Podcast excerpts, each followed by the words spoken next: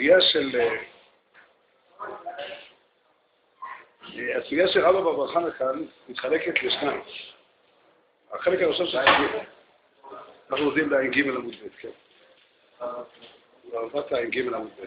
החלק הראשון של הסוגיה מדבר על נכות הימה, על יורדי הים. דיברנו על זה בהרחבה. כאן רב אברהם עובר לים, אה, למדבר, סליחה. הוא עוזב את הים, הוא עובר למדבר. יש פה סדרה של סיפורים שהוא מספר על המדבר, ביניהם הוא מסופר שהוא פגש אה, פגש איזה סוחר ערבי, והוא מראה לו כמה דברים יפים, הוא מראה לו איפה נמצאים אה, מתי מדבר, הוא מראה לו איפה נמצאים בלועי קורח, הוא מראה לו איפה נמצא הר סיני, הוא מראה לו איך דנשקה ערה ושמיא לעדת, איפה מתחברים השמיים והארץ. ארבע דברים שמראה לו אותו, אותו ערבי במדבר. אבל אה, לפני זה הרב מוחמד מספר סיפור שהוא עצמו פגש במדבר. פעם, זימנה אחד אבא כאזינן במדבר, פעם אחת הלכנו במדבר, והתלווי בעד...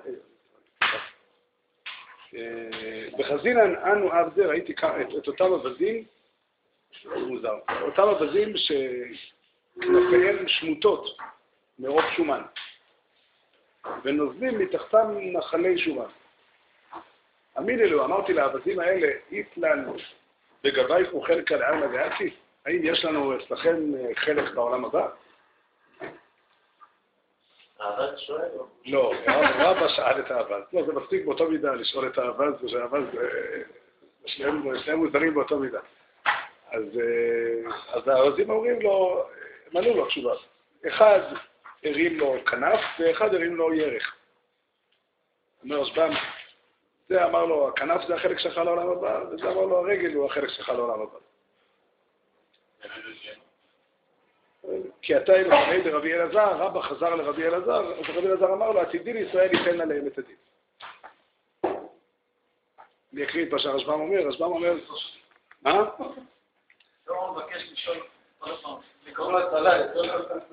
בארמית או בעברית? לא, לא, לא, למה לא? אמר רבא בר חנא, זימנה חדא אבא כאזינן במדבר. פעם אחת הלכתי במדבר, וחזינן ראיתי את אותם אווזים דשמתי גדפיו, שהכנף שלהם שמוט משמנאיו, מרוב שומן. לא יודע בדיוק איך זה קורה, אבל ככה זה. וקנגדי נחלה דמישכה מתתיים, נוזלים נחלים של שומן מתחת לאווזים הללו.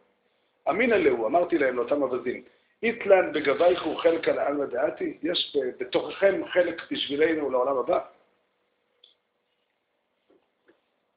אז הם ענו לו, אחד ידע לי גדפה ואחד ידע לי אטמה. אחד הרים לו, הראה לו את הכנף, ואחד הראה לו את הירך. פשוט, מובן לגמרי. אז כשחזרתי אחר כך למקום יישוב ופגשתי את רבי אלעזר, אז סיפרתי לו מה ראיתי. אז הוא אמר, עתידים ישראל ייתן עליהם את הדין. אומר רשב"ם שבינתיים, עד שמגיע העולם הבא, האווזים הללו מצטערות. כבד להם, קשה לחיות ככה בתנאים האלה, ויש פה צער בעלי חיים. הזמן שאנחנו מעכבים את הגאולה. כאילו, כל זה, האווזים הללו מזומנות, בקריאה פשוטה מאוד, האווזים הללו מזומנות לחיי העולם הבא, ואז צריך לשחוט אותם ולאכול אותם. בינתיים הן צריכות, אה, כיוון שאם לשחוט אותם היום, אז. אין מקפיא בשביל להחזיק שם את השומנים הללו. בינתיים הן צריכות לסבול את הכובד, החיים הקשים הללו, ואנחנו צריכים, גם על זה אני צריך לשלם מחיר. זה הסיפור בעצם. קודם אני הייתי רוצה כמה מילים על המדבר, בכלל. יש בעניין הזה, יש פה משהו אה, אה, צעון, הייתי אומר. בואי נתחיל, יש משנה במסכת אבות, המשנה אומרת שהמהלך, הנאור יחידי בלילה, והמהלך בדרך יחידי, הוא מפנה ליבו לבטרה, הרי זה מתחייב בנפשו. אומר המהר"ל, המהר"ל מפרש את המשנה הזאת, ש... זה בעצם הפשט במשנה, אבל הוא מוסיף תוספת הסבר, שאדם שנמצא לבד, הוא מחוץ לסדר העולמי, כשאדם חי בין אנשים, אז הסדר מגן עליו. הסדר החברתי הוא יפה, הוא טוב, הוא, הוא בסדר. כשאדם יוצא מהסדר, הוא נמצא לבדו, או שכולם ישנים, או שהוא או שהוא אה, הולך בדרך, אז הוא צריך את התורה שתגן עליו. ואם אז הוא מפנה ליבו לבטלה, הרי זה מתחייב בנפשו. ככה מפרש המהר"ל. מי שמכיר בסיפורי מעשיות של רבי נחמן, בסיפור הראשון, הסיפור, איך אני אקרא לזה, הסיפור, רבי נחמן אמר שאי אפשר לשמוע את הסיפור הזה בלי לערער אירועי תשובה. מעשה בעבידת בת מלך. שם רבי נחמן מדבר על זה שהולכים לחפש, בת המלך נאבדה, והולכים לחפש את בת המלך, אז המקום לחפש אותה הוא במדבר. יש פה, יש פה אה, ניגוד, יש פה תפיסות מנוגדות. יש תפיסה שאומרת שהסדר הסדר שבו, המקום שבו בני אדם חיים, הסדר החברתי הנכון, הוא המקום הטוב, וישנה תפיסה שאומרת שהסדר החברתי הנכון הוא המקום הלא טוב. זה שתי תפיסות, אה, זה באמת ויכוח עמוק מאוד. רבי נחמן עצמו, כשהוא צריך לפרש את המשנה של המלך בדרך יחידי, מפרש אותה בדרך אה, מקורית לגמרי. המהלך בדרך יחידי, אדם שהולך בדרך עבודת השם לבדו, לא, לא בדרך שכולם הולכים, אלא בדרך שלו לבדו. או הנאור יחידי בלילה, כשכולם ישנים ולא מתקדמים, והוא מהלך, הוא, הוא, הוא נאור, הוא ער. ויחד עם זה הוא מפנה ליבו לבטל את עצמו, הרי זה מתחייב בנפשו, פירושו הוא מתחבר למחויב המציאות. עכשיו, לא מפריע, הנושא שלי פה הוא לא זה שיש פשט ויש דרוש. דרוש היא דרך שדיברו בה רבותינו, כל רבותינו דיברו בה, מי פחות ומי יותר, בכל הדורות. אבל באמירה של רבי נחמן כאן יש פה אמירה חזקה.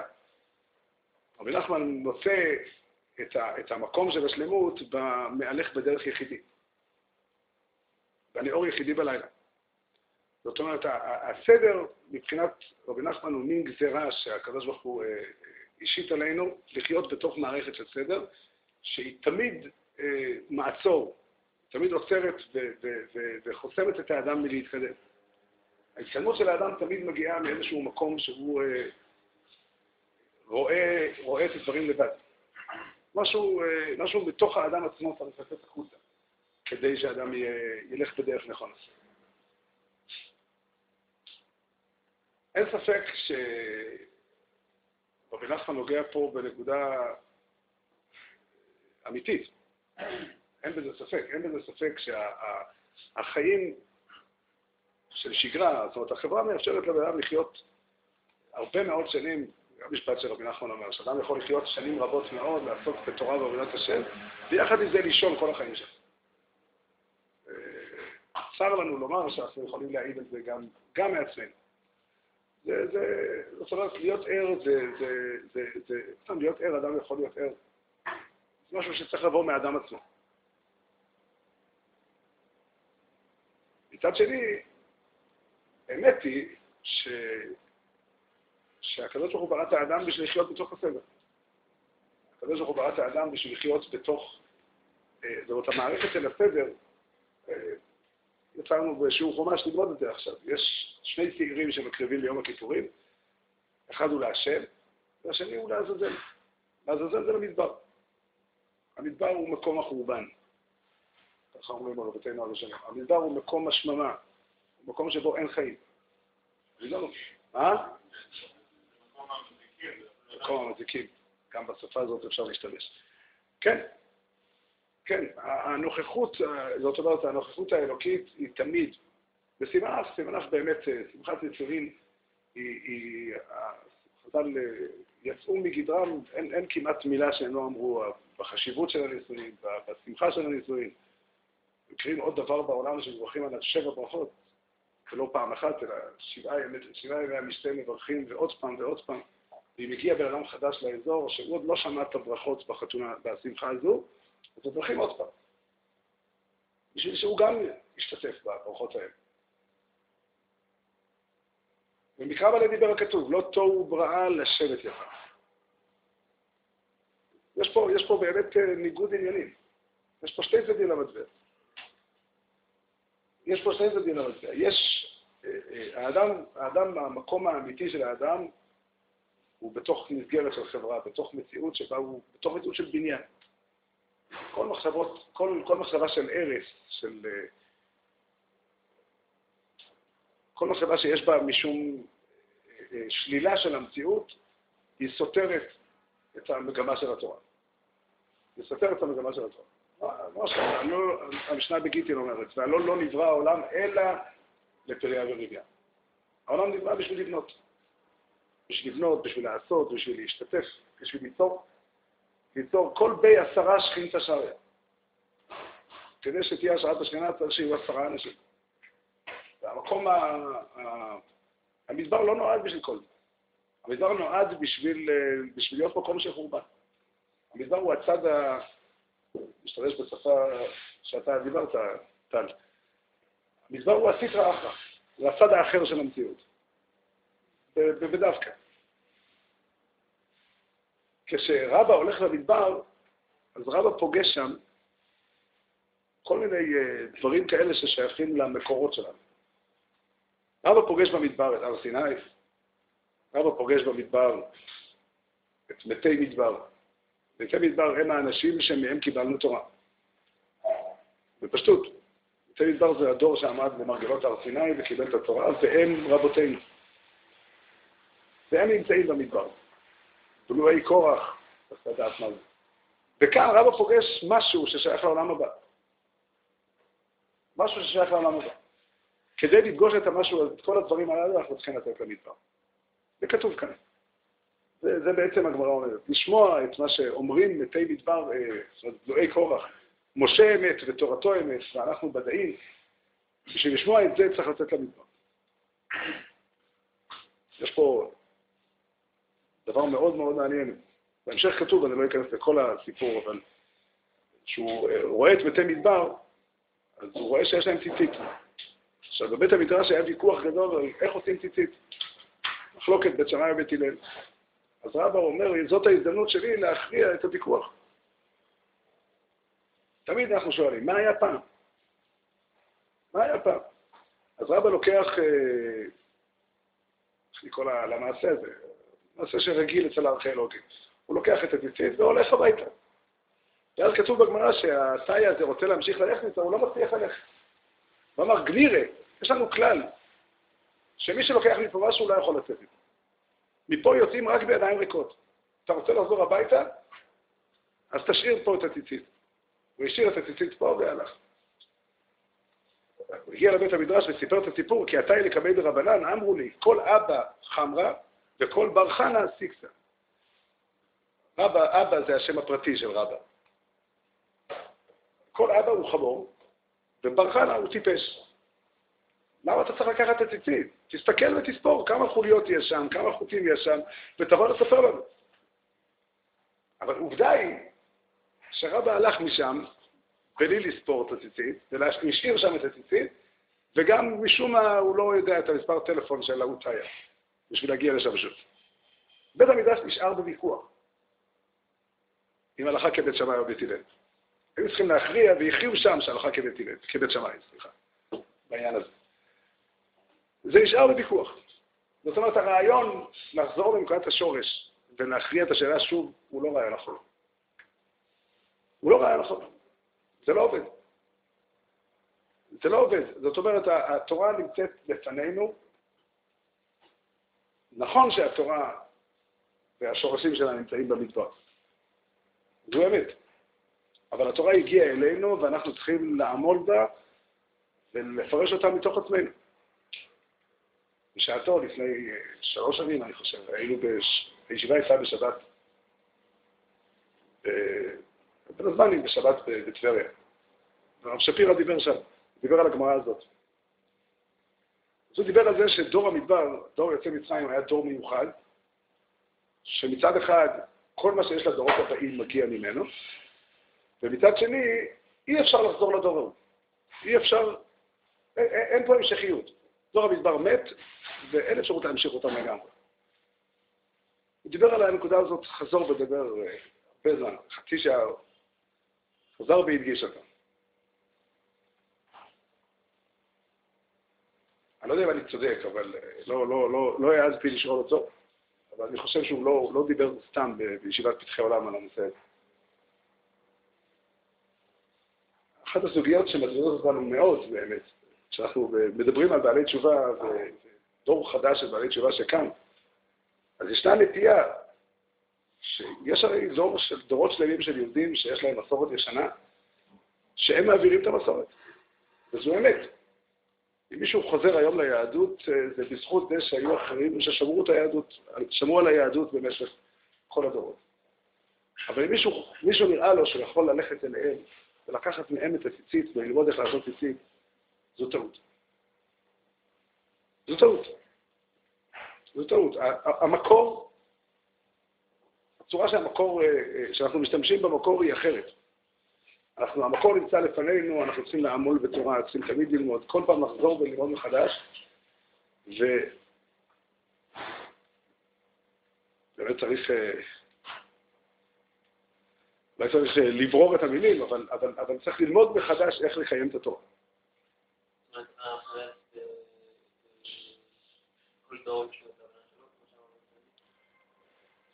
מה שברור, מה שהרב שפירא אמר זה שיש דור של חורבן שלא ממשיך הלאה.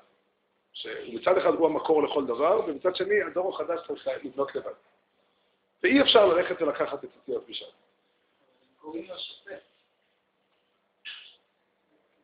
לא, לא, אפשר להתווכח אם אתה צודק, אם אני צודק או אתה צודק. זאת אומרת, אם הוא היה צריך לעשות... כן, כן, כן, כן, ברור, אבל השאלה היא האם זה מקרי שהוא היה שותה, לקרוא לזה ככה. אולי אתה צודק. יכול להיות שהוא צודק. יכול להיות שבאמת הנכון הוא ש... ש... שרבא היה צריך כן לספור את הציציות שם, אבל עובדה היא שאנחנו נשארנו באותו תיקון. ללמוד ולא להעתיק. לא להביא לכאן. אתה לא יכול להעתיק את מה שיש שם. מה אתה מתכוון שהמטאפורה של הקיצוץ, אני לא יכול לקחת את זה? אני לא מתכוון, אני לא יודע אם אתה רוצה, תשאל לי, זה דווקא משקל? המשקל הוא זה שהאופן שבו מקיימים תורה דורש תמיד לימוד מחדש. אין דור שיכול להגיד שהתורה התבררה כבר והיא סגורה וחתוכה. לשון חז"ל, שאם התורה הייתה ניתנת חתוכה, לא היינו מוציאים ידינו ורגלינו בבית המדרש. יש הרבה דברים שאפשר ללמוד, וכדאי ונכון ללמוד מה... מהדורות הקודמים. הרבה מאוד דברים, ובלעדיהם אי אפשר. בלעדיהם אי אפשר. אם אדם ירצה לדעת מתי שבת ולנסות להגיע מזה מספרה, הוא לא יוכל. אם אין לו מסורת. איך סופרים את ימי השבוע ובאיזה יום אנחנו נמצאים, הוא לא יוכל לעולם. אבל מצד שני, איך, איך עושים את הדברים? חייב להיות אופן מסוים שמתאים ומתואם למציאות שבה אנחנו חיים. תמיד החופשיה, אבל אנחנו יכולים לעשות בלי להשתמש בכל המסמכים שנעשו על ידי הדעות. אין ספק שכן. אין ספק, לכן אני אומר, ודאי שהמסורת היא העמוד האיתן. לשון הרמב"ם, שהמסורת והסברה הם שתי העמודים שעליהם ההלכה עומדת. שתי הדברים, שתי, שתי, שתי, ככה, אני יודע הנוסח, שתי העמודים שעליהם ההלכה עומדת. הוא אומר את זה, דרך אגב, בנוגע לחישוב של שנות השמיטה, שלפי שיטתו זה יוצא אחרת ממה שאנחנו נוהגים, ואף אחד מכם הוא אומר, אין אפשרות בדבר כזה לצאת נגד המסורת. ודאי שהמסורת היא עמוד איתן שאנחנו בלעדיו לא יכולים, אבל צריך לחשוד, נקרא לזה כך. שהאופן המסוים שדברים היו נראים הוא לאו דווקא האופן היחידי האפשרי. האופן שבו הדברים נראים היה אופן שבו, איך אומרים, אנשים שנהגו כך הם מתי מדבר. הם מתי מדבר. אחרי כל התיאורים הנפלאים שיש כאן, הם שוכבים במדבר מתים. הם, הם, הם לא משקפים חיים. וכשרוצים לחיות חיי תורה, חיים זה מין דבר כזה שאף פעם לא יכול להיות כמו אתמול. זה מהותם, מהותם של החיים שהם נובעים. מהותם של החיים שיש בהם תמיד, אה, היה לי פעם חבר שניסח את זה ככה, הוא אומר, אני חי בגלל שעדיין לא מצאתי. אבל זה לא נקרא חיים. כן, שרון. אני יכול לקבל את זה, בעניין הזה, מתקשת, הבנה בדברים מסוימים, בעניין תורת משפט, אבל דבר שהוא בדיוק דוגמה דווקא של הציצית, שזה דבר של, כמו שקיבלנו אותו, כך קיבלנו אותו, מה זאת אומרת? למה שיש שינוי? למה שצריך להבין הבנה מחודשת על הציצית? לא, אמרתי, עובדה היא שבית שמאי ובית למדו את הסוגיה, והיה להם שתי אפשרויות איך לפרש את הדין, וצריכים ללמוד. אני אומר, זה היה לתפור את הנסיבות של המציאות, זה לא בגלל. שאם היה ציצית, לא צריך לדבר על ציצית. אני מסכים, אבל העובדה היא שהציצית המקורית נעלמה והיה צריך לשבת ולחקור איך ציצית היא גם לא מקרה. ברור, ברור לחלוטין שאם אנחנו יודעים דברים שאנחנו יודעים אותם, אז צריך לדעת, אז הם יודעים, אז הם ידועים והם גמורים ואין, רק אה, חמרה וסיקסה התווכחו איתם. אבל, אה, אבל כשאתה מדבר, האם באופן כללי הגישה היא זו שהמקור, אה, שצריך לחזור למקור הראשון בשביל המקור הראשון הוא במדבר. יש משהו אמיתי בזה של לחזור למקור הראשון, שבאמת הדברים מתחילים מאיזושהי נקודה של מדבר. זה נכון, אבל בסופו של דבר המקום שבו הדברים נעשים הוא לא במדבר, אלא במקום יישוב. במקום שבו חיים בני אדם, אנשים מדברים זה עם זה, אנשים... המציאות של החיים, המציאות של החיים, כשאנשים מנסים ומשתדלים ועמלים לחי- לחיות על פי תורה, הם, הם מגשימים את החזון האלוקי. זה התפקיד שלהם. לא מקרה הוא שנכתבו ספרים, כל מי שיגש לארון הספרים ויראה ספרים שכתבו רבותינו. אז לא הרי הספרים שכתבו חכמי צרפת, כי הרי הספרים שכתבו חכמי ספרד. בכל מיני תקופות. עד היכן ההשלכה מגיעה, אני לא יודע, לא מספיק מכיר את הספרים בשביל לדעת. אבל לא, לא, זה לא יהיה, אני לא אהיה אדם מוזר אם אני אגיד שספר מורה נבוכים נכתב במצרים ולא במקרה, שהוא לא יכל להיכתב בצרפת. דווקא הרמב"ם אמר שהחוכמה, איך שהוא הבין אותה כחוכמה, נמצאת רק צרפת עכשיו. דבר שהוא מה שיש לו במצרים וב... הוא התכוון לחוכמת תלמוד. הוא לא התכוון על ה... אנחנו יודעים היטב, היטב אנחנו יודעים. היטב, אנחנו- ספר מורה נבוכים לא יכל להיכתב בצרפת בשום פנים ואופן. אז, מחירי בדרום מה? מחירי הפירוט, איזה סיבה? מורה נבוכים זה. אה, שמה כן. לא, לא במקום, אתה צודק, אתה צודק, אתה צודק, לא התכוונתי לחלק הזה של צרפת. לא התכוונתי. אני התכוונתי, ספר מורה נבוכים יכל להיכתב רק... תקשיב, אה, תקשיב יורם, הספר מורה נבוכים כולו התמודדות עם בעיות, ספר הוא כולו התמודדות עם בעיות שחכמי צרפת לא יכלו לדעת אותן. בימים ההם בצרפת לא היה אדם אחד שידע לקרוא יוונית, ולא היה אף, אף ספר של אריסטו שתורגם לצרפתית, או לעברית. הרמב"ם קרא את, ספר, את ספרי אריסטו בערבית, בתרגומים הערבים, ומזה נוצרה ההתמודדות הזאת. עכשיו, ההתמודדות הזאת היא מציאות שהקדוש ברוך הוא נטע אותה בעולם, ויצר את הצורך של יהודים להתמודד עם הבעיה הזאת. מי שקורא את דברי רש"י וסיעתו, רש"י וסיעתו התמודדו, זאת אומרת, העולם שסביבם, העולם הנוצרי סיפק להם התמודדות קשה מאוד, קיומית. איך שורדים מול אנשים שרוצים להרוג אותך. ובזה הם התמודדו. אה, לא, העולם הנוצרי לא היווה בשבילם אתגר בשום בחינה. זו הייתה המציאות. ואף אדם בעולם לא חושב על שאלה ש, שלא עומדת לפניו. זה טבעם של בני אדם. והמציאות של החיים, המציאות שבני אדם חיים בה, היא המציאות שבה התורה אמורה להתגלם. לברוח מהעולם, לברוח למערת שם ועבר, זה לא, זה, לא, זה לא הדרך שלנו. זה לא הצורה של התורה. לברוח למדבר. אני שמעתי פעם, קראתי פעם סיפור חסידי, שסיפרתי אותו פה באיזה הקשר. הסיפור אומר שהאדם אה, עולה לשמיים, דופק על הדלת של ריבונו של עולם, ואומר, ריבונו של עולם, ניסיתי לספר בשבחך לבני אדם, ומה אפשר לעשות? הם חרשים, לא רוצים לשמוע. אז עליתי לכאן לומר לך דברי שבח והלל. אומר לקדוש ברוך הוא, סליחה, את האוזניים שלי שמתי באוזניים שלהם. אין לך ברירה, אתה צריך לבקוע את האוזניים שלהם. אנחנו צריכים לדבר עם בני אדם. המקום של המדבר הוא בשביל לגלם, בשביל לראות איזושהי נקודת מקום. יש נקודה כזו. יש נקודה כזו שבה, שאדם צריך לחזור למדבר, לאו דווקא פיזית, אבל שאדם צריך לחזור למדבר או, או, או, או, או בשביל לפגוש איזושהי, באיזושהי הערה של נקודת מקום. נקודת המקור לא יכולה להדריך אותו בחיים, היא יכולה להעיר לו, היא יכולה ל, ל, ל, לעורר אותו, היא יכולה לתת לו איזשהו, איזשהו פן של, של, של אור. אבל את החיים בעצמם, שאליהם התורה שואפת, הם חיים של בניין בתוך מציאות של לא במדבר. מה שאתה רואה במדבר זה את אותם עבדים שמנות. מי שרוצה לדעת מה, מהו עבד,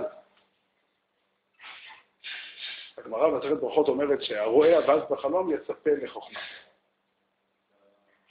מה? כן. כן, כן, לא, די לנו פה בזה. הרואה אבז בחלום יצפה לחוכמה. זאת אומרת, ה- ה- ה- ה- האבז כנראה, האבז שמן סעודה דשנה. האבז השמן הזה מבטא את, ה, את, את מה שנקרא העולם הבא באמת. והאבזים האלה הם שמנות מאוד, הן מאוד מאוד שמנות. באמת, אמת הדבר, שהדבר, שוב, אני רוצה אולי, אולי נוסיף עוד משפט. העולם הבא הוא דבר עתידי. נקרא העולם הבא. אבל העולם הבא הוא גם נקודת ראשית. זאת אומרת, העולם הבא נמצא אצלנו בתודעה כאיזשהו אה, איזשהו רעיון שלשם אנחנו הולכים. הוא חייב להיות נטוע בליבנו באיזושהי צורה, באיזושהי צורה. כן, באיזושהי צורה האדם הולך בחייו, הוא שואף לאיזשהו מקום, יש לו איזשהו ציור, שוב, ציור של מקור ש, ש, שצריך לתת למדבר בשביל לראות אותו. ציור של שלמות, ציור של יופי ש, ש, שלא מצוי בעולם. ציור של יופי שלא מצוי בעולם, שאדם אה, צריך לראות אותו מול עיניו כדי ללכת לשם. במקום מסוים בספר הזוהר כתוב, אה, הקדוש ברוך הוא נקרא כיסופא דכל כיסופי. זה שכל הנחשפים נחשפים אליו. כשאתה מסתכל במציאות אתה רואה שכולם, כל האנשים בעולם נחשפים. כל הזמן. כל הזמן, אנשים רצים. רוצה פעם לעמוד על איזה גג ולראות את האנשים ברחוב. אנשים רצים לאיזשהו מקום, משהו מניע אותם. הם רוצים משהו, הם כוספים למשהו. מה שהם באמת כוספים לשם זה לאותו אותו ציור עמוק שנטוע בליבו של אדם, שהוא, אה, יש מי שיקרא לו גן עדן האבוד. הוא אותו ציור של, של, אה, שאין אותו במציאות שלנו. אפשר לחלום עליו כחלום של המדבר. מאוד מאוד מעניין שהאווזים מרוב שומן, שם תיגד פיו, הכנפיים שלהם משמוטות. הכנפיים שלהם שמוטות. זה אומר שהן לא יכולות לתפקד. רש"י אומר, ש... רשב"ם אומר שהן מצטערות מאוד, זה צער בעלי חיים. הציור של עולם הבא באמת לא נותן אפשרות ל... ל... ל... לעולם שלנו. הוא סותר את העולם שלנו. הוא באמת סותר את העולם שלנו. העולם שלנו כולו, כל המציאות שלנו היא מציאות של חיים בתוך חוסר שלמות. וזה מאוד מאוד אה, אה, עדין, בגלל שאנחנו חייבים להחזיק את השלמות, את החלום הזה של האווזים במדבר, להשאיר אותו מול העיניים. הוא הכיסופא דכל כיסופי, הוא המקום שלשם אנחנו הולכים. הוא אותה נקודת מקור ששייכת למדבר, שיש בה בשביל אה, להעיר אותנו וללכת הלאה. אבל אנחנו חייבים לזכור שהחלום הזה רחוק מהמציאות כחוק מזרח ממערב. במציאות אתה צריך להתמודד עם, עם, עם... בחיים אתה צריך להתמודד עם מציאות לא שלמה, שאתה יכול רק לקדם, איך, אומרים, להזיז את הדברים טיפה יותר קדימה. מי שבאמת יהיה נטוע לגמרי בחלום של המדבר, אז הכנפיים שלו יהיו שמוטות. הוא לא יכול לחיות. אין, מי שמדבר, אה, אדם מושלם, מה שנקרא, זה אוקסימירון, זה, זה, זה, זה כמו משולש בלי צלעות. האדם הוא יצור לא מושלם. לא אנחנו, לא, לא אני, באמת, לא אני אמרתי, כי האדם אין צדיק בארץ ויעשה טוב ולא יחטא. המציאות של האדם היא מציאות של, אה, של חוסר שלמות. והאדם מצווה בשם החלום הגדול לפעול בתוך המציאות הלא חלומית. לפעול בתוך המציאות הזו שבה אה, אה, כל דבר אתה יכול אה, לתקן קצת ולראות איך מהצד השני. סבתא של אשתי הייתה אומרת, היא דיברה בשמח הזריזות, אז היא אמרה שאם אם גמרת לעשות היום את התפקיד שלך, אל תלך לישון, תעשה היום את מה שאתה צריך לעשות מחר. אם תשאל מה תעשה מחר, מחר תתקן את מה שהיום קלקלת. זו אמת. זו אמת, זו אמת, אה, זו אמת פשוטה. כשאתה שואל את הארזים, אתה שואל את הארזים מה חלקי לעולם הבא, איפה החלק שלי, הם יכולים להראות לך רק חלק. או כנף, או רגל. משהו. אין לך תפיסה. אל, אל, אל, איך אומרים? תדע לך, אתה נמצא במקום שהוא הוא, הוא, הוא לא, אתה לא נמצא במדבר. זה חשוב מאוד מאוד לזכור את זה, לתפוס את הדבר הנכון. הקדוש ברוך הוא לא חפץ במדבר. מקום, המקום של הטוב הוא לא במדבר. המדבר, הוא, הוא, יש בו בשבילו, יש לו מקום. רבא הולך למדבר ופוגש שם איזה תאיה. לחשוב פעם מה, מה, מה, מה התאיה הזה בא לומר, מי הוא ומה הוא בא לומר. היה מעניין, היה מעניין לפגוש אותו. באמת תאיה מעניין. ערבי מעניין. מן הסתם, מן הסתם, הערבים, ככה כתוב עליהם בפסוק. הערבים, חייהם הם במדבר. הגמרא אומרת ב... כאילו, אני צריך צוקה אגב. בית נראה לי. הגמרא שם אומרת שיש ארבעה דברים שהקדוש ברוך הוא מתחרט עליהם שהם רע. ואחד מהם זה ישמעאל. מה הכוונה מתחרט? מתחרט הכוונה היא שהדברים האלה, אין להם, אין להם חלק במציאות של העולם. הם לא שייכים לעולם. עשיו הוא, הוא בפירוש כן. עשיו הוא איש שיש לו ידיים טובות והוא עושה הרבה דברים. הרבה מאוד דברים, הרבה מאוד מהדברים שאנחנו מכירים כאן שייכים ל... ל... נוצרו בבית המדרש של עשיו, ויש להם חשיבות. היצר הרע זה דבר ש... ש... אה, היצר הרע מופיע שם, אבל ישמעאל הוא, הוא, הוא, הוא מין דבר כזה שאין לו מקום במציאות. אין לו שום אחיזה. אין לו שום אחיזה. הישמעאלים, ההוא תאיה הוא, הוא מי שיכול להביא אותך למדבר ולהראות לך שם כל מיני דברים יפים. דברים כאלה שחשוב שתדע שהם קיימים, חשוב שתזכור אותם, חשוב שתחלום עליהם, אבל אל תיקח אותם לחיים. אל תיקח אותם לחיים. אל תיקח אותם לחיים, בגלל שהחיים בנויים על מקסימום, על כנף או על רגל אחת. משהו. מותר לאדם לטעום בחייו, אה, מותר לאדם לטעום בחייו משהו מהשומן הזה. המקום האמיתי של השומן, המקום האמיתי של הדבר הזה הוא לא שייך לכאן, הוא או עולם הבא, או, או אפשר לראות אותו, אפשר לפגוש אותו על ידי המדבר.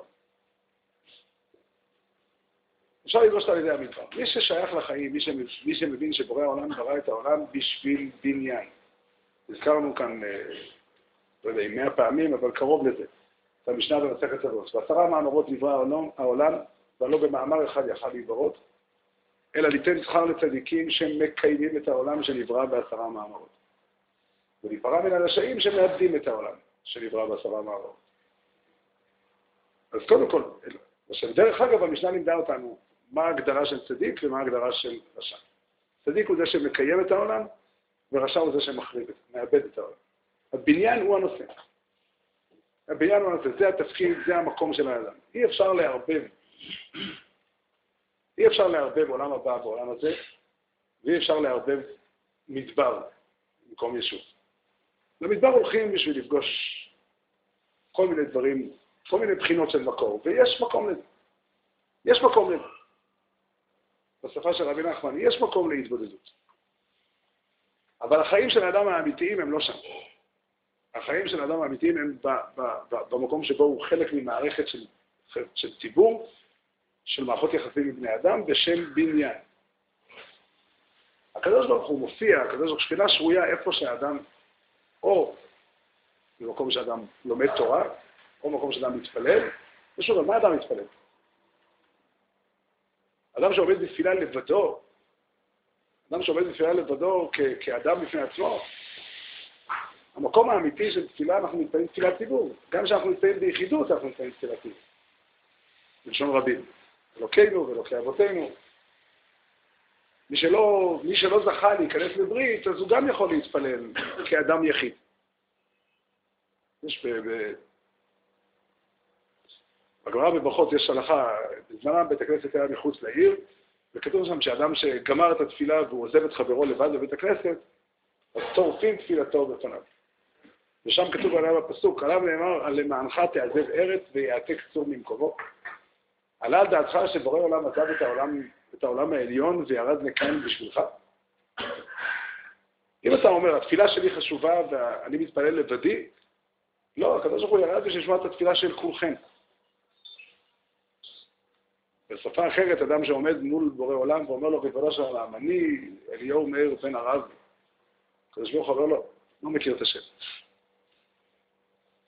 אה, אתה צאצא של אברהם, יצחק ויעקב, אתה בא בשם העם כולו, אתה ראוי להתייחסות. החיים של האדם, שוב, עם ישראל זה לא איזשהו, אה, זה גם איזשהו רעיון כללי, אבל עם ישראל זה, זה, זה משהו ריאלי. עם ישראל זה האנשים המסוימים האלה שהם עם ישראל. איתם אתה צריך להיות. לשם אתה שייך. לשם אתה שייך. כי עם ישראל זה גם האנשים הספציפיים שאיתם, איך אומרים, איתם אתה צריך לחלוק את חייך. זה המשפחה שלך, זה אבא ואמא שלך. לשם אתה שייך. אדם שייך למקום מסוים. בתפילה, בתפילה אנחנו אומרים הרבה פעמים, עלינו ועל כל עמך ישראל. כשהייתי ילד ניסיתי להסביר לעצמי מה זה עלינו. מתפללים עכשיו במניין. כל אדם, כל יהודי שייך לקהילה, הוא שייך ל... ל... הוא, הוא לא לבד. המדבר הוא מקום ששם הולכים בדרך אה, לבד. ושם שוב, זה לא, זה לא המקום האמיתי. בורא עולם ברא את העולם בשביל בניין, בשביל, בשביל לבנות. וזה העבודה שלנו, זה המקום שלנו, זה התפקיד שלנו, ולשם אנחנו שייכים.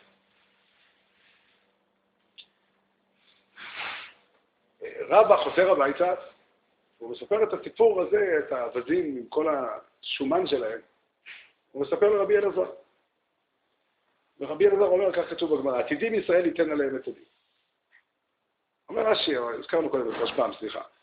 רשב"ם אומר ששר הבעלי חיים, לא יודע, אני יכול לומר דבר אחד. יש דבר שנקרא מצפון. זאת אומרת, אדם זה שכתוב בספר מסוים ש, שזה לא בסדר, זה, זה נתון. מה אני אעשה? מה, השאלה אם זה מדבר אליי. הקדוש ברוך הוא ברא באדם כוח ששמו מצפון, שהוא אומר לבן אדם, הוא מייסר את נפשו על, על תייסרך נפשך לאמור חטאתי. שהפסוק אומר. יש לאדם מצפון. הוא יכול לחזור ביום הכיפורים על, על הווידוי, היום יש חוברות עם אה, וידויים מפורטים, בלי סוף. אני מכיר אנשים שכסדר מתוודים על כל מיני עבירות שעשו בגלגולים קודמים. השאלה אם בן אדם, הנושא, של, הנושא שבאמת החטא של האדם הוא באיזשהו מקום צריך להיות משהו שהמצפון שלו אומר שהוא חטא. בלי זה אני לא יכול, לא יכול להרגיש, אני לא יכול לתת את הדין. זה נראה ש... אני לא מתכוון לומר שה... הקנה המידה היחידי לחטא זה המצפון. אבל בסופו של דבר התביעה שבורא עולם תובע מבן אדם זה למה לא שמעת בכל, בכל האני הפנימי שלך. אין אפשרות אחרת.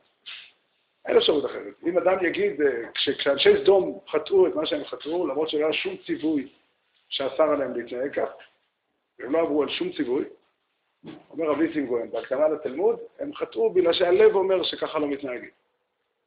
ועל זה אין שום. ולהפך, כשאדם יהיה, אם אכן אדם יהיה כנה לגמרי עם עצמו, הוא ירגיש שהוא עושה נכון, אז זה שזה כתוב בספר פלוני, אינני יודע אם אפשר על זה לתבוע אותו. אפשר לתבוע בן אדם על זה שהוא עושה דבר שהוא בתוך ליבו יודע שהוא לא נכון. וכאן השאלה היא מאיפה מגיע המצפון? מאיפה מגיע המצפון? מאיפה מגיע אותו קול שאומר לבן אדם, אותו קול שאומר לבן אדם, מדוע ככה עשית? אותו קול שאומר לבן אדם, אה, ככה לא מתנהגים. כדאי לשים לב, זה באמת אחת התכונות, אולי התכונה האנושית הכי חשובה, זה שיש לאדם מצפון. שיש לאדם קול פנימי שאומר לו, ככה אני צריך להתנהג ואחרת לא. לא תמיד הקול הזה מספיק, אה, יש לו ווליום, יש לו מספיק קול. לפעמים הוא חרישי מדי, לפעמים צריך הרבה להתאמץ כדי להקשיב ולשמוע אותו. אבל יש לנו, נבראנו בצלם אלוקים ויש בנו קול שאומר מה נכון ומה לא. וזה כל האדם, זה מה שנקרא יראת שמיים מן הסתם. אבל כאן רבא אומר לך, או רבי אלעזר אומר לרבא, תדע לך, הקול הזה מגיע מאותו ציור של השלמות. אותם אווזים שראית במדבר, עליהם אתה עתיד ליתן את הדין. אי אפשר, אם, אם אדם שאין בו, אם היה אדם כזה, שאין בו ציור כלשהו של שלמות, אי אפשר לתבוע אותו. זה שאני יודע שמשהו מסוים הוא לא בסדר, זה לא מספיק. זה לא מספיק. אני צריך גם לדעת או להרגיש שראוי להיות אחרת, שיש ציור אחר של שלמות. רש"י אומר בפרשת בראשית, וייצר השם אלוקים, כתוב בשתי יהודים, שתי יצירות, שאדם נוצר במהדורה כפולה. יש לו מהדורה של עולם הבא ומהדורה של העולם הזה. המהדורה של העולם הבא, למה הקדוש ברוך הוא צריך ליצור אותה היום? כשיגיע העולם הבא, הוא ייצור אותה. ברור לחלוטין שהיצירה של העולם הבא זה לא אה, כפיל שלי שנמצא במקום אחר. היצירה של העולם הבא היא אותה, אותו אני פנימי שנמצא בתוכי היום. אותו אני פנימי שעליו אני אומר, נשמה שנתת בי טהוריי.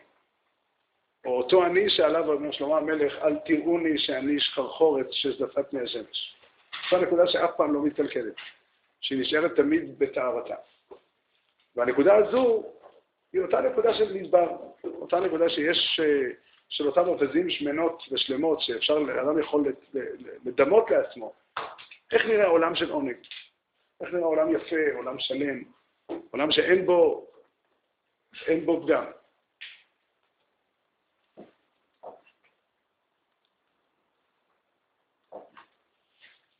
על כל פנים, כללו של דבר הוא שהציור של השלמות הוא, הוא חלק בלתי נפרד מהחיים של האדם. הוא, אותו, הוא נמצא בתוכנו תמיד, ותמיד צריך לצאת מהמערכת כדי לחזור לא, לאותה נקודה של מדבר, בשביל לראות אותו, לרענן את הזיכרון שלו. אבל המטרה של הכל היא בשביל לחזור חזרה ליישוב ולבנות שם, לעסוק בבניין. התורה לא נועדה בשביל המערה של שם בעבר, בשביל מקום נעלם כזה, ששם יושב, שם יושבים ועוסקים בתורה. התורה עניינה לתקן את המציאות שלנו. שנזכה בעזרת השם ללמוד תורה כמו שצריך, ולעסוק בישובו של עולם.